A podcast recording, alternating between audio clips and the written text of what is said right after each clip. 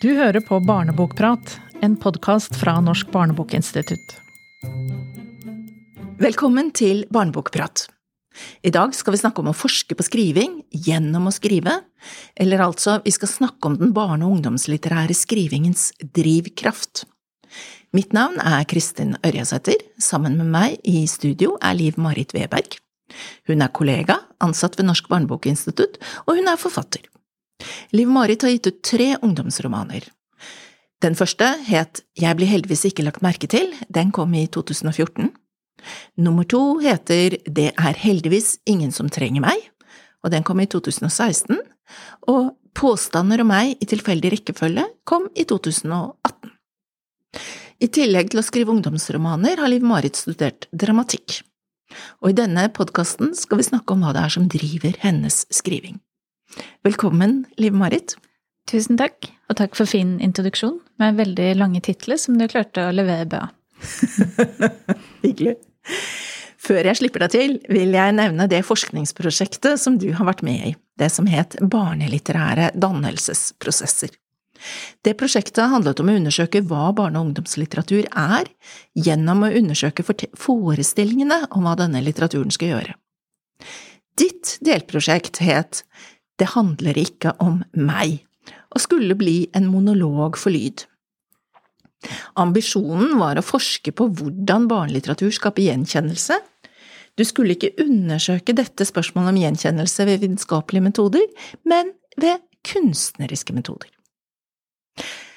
Får jeg lov å sitere fra prosjektbeskrivelsen, det du opprinnelig hadde tenkt at du skulle gjøre? Mm -hmm. Det er en utbredt oppfatning at barn bør få møte seg selv i litteraturen. Jeg ønsker selv å skrive litteratur som kan treffe mange, men jeg tar meg i å lure på om litteraturen jeg skriver, ekskluderer enkelte lesere. Ekskluderer jeg for eksempel gutter ved å skrive om jenter? Jeg ønsker derfor å forsøke å skrive en tekst som ikke ekskluderer, eh, ved å anonymisere karakteren. Dette vil jeg gjøre for å kunne si noe om hvor viktig karakterens kropp er når man forteller en historie. Er det mulig å skrive en historie uten å ta hensyn til erfaringer som er spesifikke for ulike kropper? Kan en persons historie løsrives fra kroppslige erfaringer? Arbeidsmetoden vil derfor være å skrive refleksjonsnotat mens jeg jobber med teksten, og jeg vil blant annet legge merke til og reflektere over når historien blir vanskelig å fortelle. Jeg er rett og slett veldig spent på om dette lot seg gjøre, og eh, hva du faktisk kom fram til. Mm. Og det kan vi jo vente litt med, altså hva jeg kom frem til. Men, men eh, jeg kan si litt om utgangspunktet. Eh, for der tok jeg nok veldig utgangspunkt i min egen arbeidsprosess, altså hvordan jeg skriver. Og jeg skriver nok um, Jeg henter mye innenfra. Jeg skriver ikke nødvendigvis om meg selv, men tett på meg selv. Jeg bruker meg selv i skrivinga.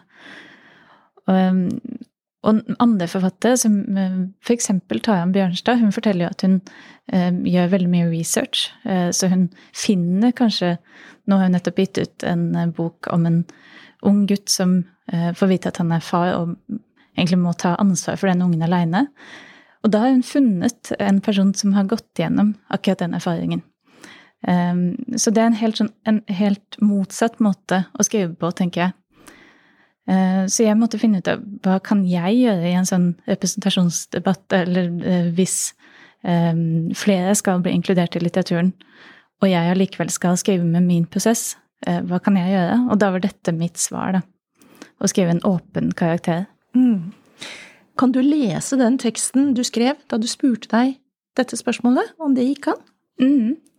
Og da må jeg først si at dette, dette blir jo litt meta, fordi at jeg skrev først en sånn kunstnerisk tekst, og så prøvde jeg å bearbeide den litt i et slags essay. Så dette er en tekst om teksten, som heter En fortelling om en fortelling. Et krav som stilles til barnelitteraturen, er at den skal være representativ. Alle skal kunne kjenne seg igjen i den. Neste diskusjon er da hvordan man skal få til det. Og hvem skal få til det? En mulighet er å prøve å skrive mer åpne karakterer. Karakterer som ikke ekskluderer. Men kan man skrive frem en karakter som er åpen? Som altså ikke har noen ytre identifikasjonsmarkører? Det var mitt utgangspunkt, og det gikk jeg i gang med. Det var en vanskelig oppgave. Jeg fant ikke en form på teksten. Hvor skulle jeg begynne når hele poenget var at karakteren ikke skulle plasseres? For i denne åpenheten lå det flere faktorer enn bare ytre identifikasjonsmarkører. Jeg ville ikke at det skulle være mulig å lese inn et utseende eller et kjønn, men heller ikke klasse og ikke geografisk plassering. Åpenheten gjorde det hele abstrakt. Og kanskje er det sånn for forfattere at vi er nødt til å begynne med noe veldig konkret. Det løsna ikke før jeg skrev inn et metanivå. Jeg begynte å skrive en fortelling om en fortelling. Altså om en jeg-forteller som ville skrive om en karakter uten slike identifikasjonsmarkører. Og jeg fikk et tips i den skrivegruppa jeg var i da. Kanskje du må tenke helt spesifikt for å kunne skrive åpent. Altså tenke på en spesifikk person. Så det gjorde jeg. Og nå skal du få høre fra jeg-fortelleren jeg skrev fram. Jeg ville fortelle den historien her. Jeg ville fortelle om et menneskeliv. Det høres kanskje litt lite presist ut, men bare vent litt. Livet starter helt ok. Det finnes gode krefter rundt dette mennesket. Det finnes dårlige. Og det finnes ressurser i mennesket, og utfordringer. Så vi er i en slags balanse, da, på starten. Så skjer det noe. Angrep, utenfra og innenfra, små og store. Sånn er det vel alltid. Og for dette mennesket blir ikke angrepene mulig å bære. Ikke når de er så mange, og når de kommer både utenfra og innenfra, og når de forsterker hverandre, sånn som mange angrep på samme tid nødvendigvis gjør. Og livet til dette mennesket blir bare dårligere og dårligere. Mennesket blir mer og mer passivt. Det er reaksjonen. Ingenting. Virkelig ingenting. Mennesket bare møter ikke opp hvis det er noe viktig å møte opp på. Griper ikke sjanser som må gripes. Tar ikke viktige samtaler hvis det er viktige samtaler som må tas. Bare bli hjemme og snakke med færre og færre folk. Der slutter historien. Der forlater vi dette mennesket. Da er filmen slutt. Så da har vi gått fra en slags balanse til en slags krise, kan man si. Denne jeg-fortelleren vil altså fortelle denne historien og gå på en skole i dramatikk for å få hjelp til det. Der har jeg-fortelleren en veileder, og slik beskrives det første møtet med veilederen. Veilederen min kom inn helt presis, og hun tilbød seg å kjøpe kaffe til meg. Jeg skal ikke beskrive henne, for jeg tror ikke på beskrivelser, men jeg kan si at det var en dame. Og hvilke egenskaper dere tillegger henne på grunnlag av det, kan jo være opp til dere. Det er noe opprørsk for denne jeg-fortelleren, og opprøret viser seg ved å ikke ville beskrive. Det er det som er det aller viktigste ved jeg-fortelleren, motviljen mot å beskrive og å plassere. Og her gir jeg ordet til jeg-fortelleren igjen, like etter at jeg-fortelleren har fortalt veilederen at denne karakteren ikke skal være kjønnsbestemt. Uten å beskrive veilederen min sånn utseendemessig, så kan jeg kanskje si at hun ikke så fornøyd ut. Hun hadde et tydelig uttrykk av ikke fornøyd i ansiktet. Eller stryk det. For hvem er jeg til å si hva som ville vært et uttrykk av ikke fornøyd hos ei dame jeg ikke kjenner? Men det var det jeg tenkte der og da, med de manglene som finnes i meg, på en måte, og de rammene som jeg tolker innenfor. En ting som ble tydelig for meg da jeg skrev, var at det var tilnærmet umulig å holde seg unna kategoriene. Jeg gikk på hinder overalt. Språket hadde makt over meg, for språket er fullt av kategorier. Og jeg tenker da også på det språket som vi ser i hverandres ansikter. Hvordan vet vi egentlig at andre er fornøyde eller misfornøyde? Når det eneste vi går inn i situasjonen med, er våre livserfaringer, og ikke den andres. Men nok om det. Veilederen ble selvfølgelig ikke blid av dette prosjektet. Hun trodde overhodet ikke på det. Dette er tross alt en veileder som er skolert innen dramaturgien. I dramaturgien skal man ofte planlegge en historie i detalj før den skrives. Veilederen er vant til å preache at man må kjenne karakterene sine ut og inn. Karakterene skal ha ytre og indre egenskaper som dramatikeren kjenner, de skal ha en fortid som dramatikeren kjenner, og de skal ha en vilje som driver handlingen fremover.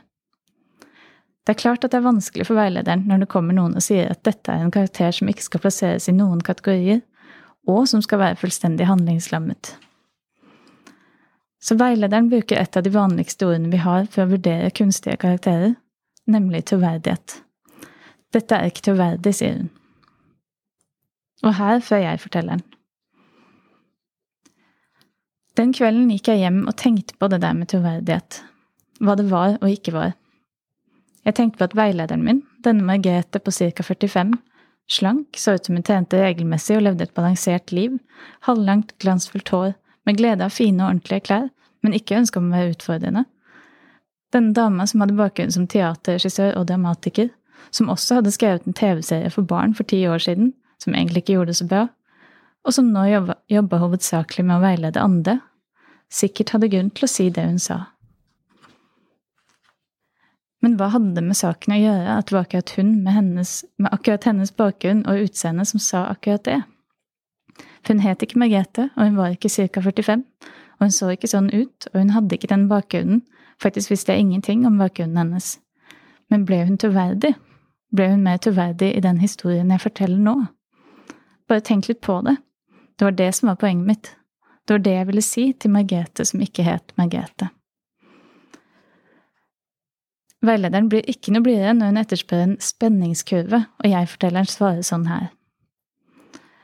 Hvis man kan måle trivsel på en skala fra null til ti, der null er veldig dårlig og ti er veldig bra, begynte min fortelling på midten. Akkurat på fem. Verken bedre eller dårligere, en stabil femmer. Så går det gradvis nedover. Det tegna jeg for henne. En stabil nedgang på ca. 0,5 på et år, for eksempel. Og til slutt, da er vi på null, og derfor blir vi. Vi beveger oss ikke fra jeg. Margrethe brukte litt tid på å tenke. Så sa hun, jeg tror ikke det blir en veldig spennende historie. Nei, det håper jeg virkelig ikke, sa jeg. Tusen takk for eh, opplesningen av en fortelling om en fortelling. Det er helt fantastisk.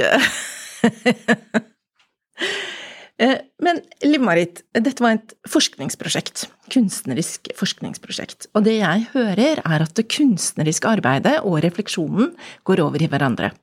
Eh, og slik må det kanskje gå når forskningsprosessen foregår ved hjelp av kunstneriske metoder, eller slik ble det i hvert fall for deg denne gangen. Og jeg vet at du er opptatt av motstand, det har du snakket om i andre eh, sammenhenger. Du har snakket om motstand som en drivkraft, at det er din metode for å skrive. Eh, og det er jo mange kunstnere som har vært opptatt av det å sette grenser, sette grenser for sin egen skaperprosess. Eh, og det har eh, ofte si, resultert i spennende prosjekter. Så jeg tror kanskje at jeg forstår det du sier når du er opptatt av at motstand fungerer produktivt. Men tenker du at barnelitteratur generelt er så fylt med regler at, eh, liksom, at det ikke blir noen kunstnerisk frihet igjen i barnelitteraturen?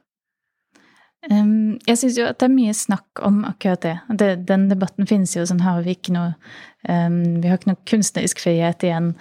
Um, ofte så blir den polarisert, og det syns jeg blir lite konstruktivt. Så da ville jeg heller angrepet det fra en annen måte. Uh, nei, på, fra en annen vinkel. Jeg vil heller se hva som skjedde hvis jeg da prøvde å skrive en åpen karakter. Um, og det er på en måte um, Det er en måte å forholde seg til den debatten på, men det er um, uten å gå inn i den. Uh, og da lurte jeg på, da i forlengelsen av det, var det mulig i det hele tatt? fordi da vil jeg kanskje også få undersøkt i hvilken grad erfaringer faktisk er kroppslige. Men når du spør om det, om, det, om kunstnerisk frihet i barnelitteraturen og min motstand til regler, så er det jo absolutt noen sånne krav til barnelitteraturen som jeg opplever som begrensende. Um, for eksempel så sier vi at barnelitteraturen skal ha barneperspektiv. At det skal på en måte uh, kunne oppleves um, gjennom barnet. Uh, og så leste jeg nettopp 'Matilda' av Roald Dahl igjen. Og så tenkte jeg den har jo ikke det barneperspektivet. Den har en voksen forfatter som forteller om Mathilde, men som er veldig på Mathildes side. Um, det kan jo noen andre liksom sjekke og se om de er enige med meg i det.